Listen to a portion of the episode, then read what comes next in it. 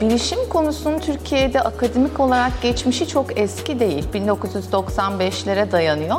Biz de e, bir vakıf üniversitesi olarak aslında bu gelişmeyi en yakından takip eden üniversitelerden biriyiz. Bu anlamda çok köklü olduğumuzu söyleyebilirim bilişim bölümlerinde. Biliyorsunuz teknoloji çok hızlı gelişen bir alan.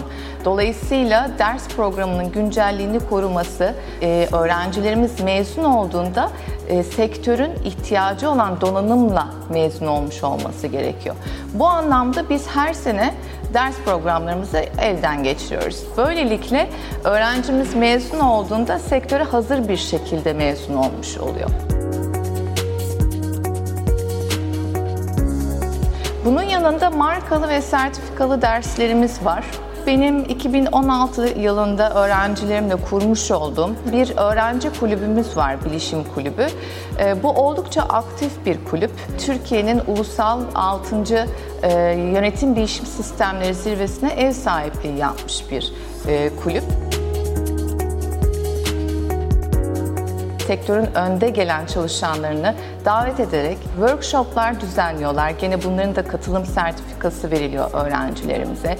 Bunun yanında bir podcast serileri var Uncast diye. Dergi çıkarıyorlar ve Türkiye'nin e, ilk dijital bilişim sergisini açtılar. Oldukça aktif bir kulüp dijital dönüşüm söz konusu. Zaten dijital çağda yaşıyoruz. Bizim öğrencimizin hiçbir zaman iş bulma gibi bir stresi dolayısıyla olmuyor. Öğrencilerimiz dönemlerini tamamladıktan sonra e, zorunlu staj e, söz konusu zaten.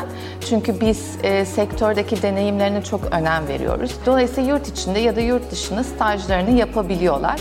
Erasmus anlaşmalarımız var. Hollanda, İspanya, Portekiz, Fransa ve tabii ki e, Amerika Birleşik Devletleri ile ve Kanada ile de mübadelemiz mevcut. Eğitim dilimiz İngilizce. Bu zaten artık e, büyük bir ihtiyaç dünyada. Yani disiplinden bağımsız ve ülkeden bağımsız İngilizce bir gereklilik. Oldukça geniş yelpazede yandal ve e, çap anlaşmalarımız bulunmakta. Üniversitenin bütün bölümlerine açığız biz. Öğrencilerimizin özellikle pratik derslerinde projeleri söz konusu. Ee, zaten mezuniyet öncesinde de muhakkak e, bir proje tesliminde bulunmaları gerekiyor.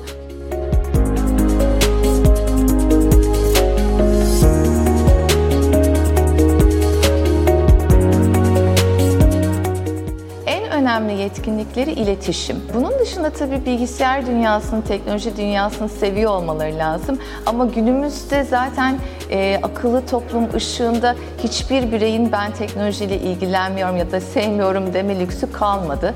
Her meslek seçecek öğrenciye benim tavsiyem kendilerini akışta hissedebilecekleri bir e, meslek seçmeni. Çünkü o zaman zaten başarılı olacaklardır.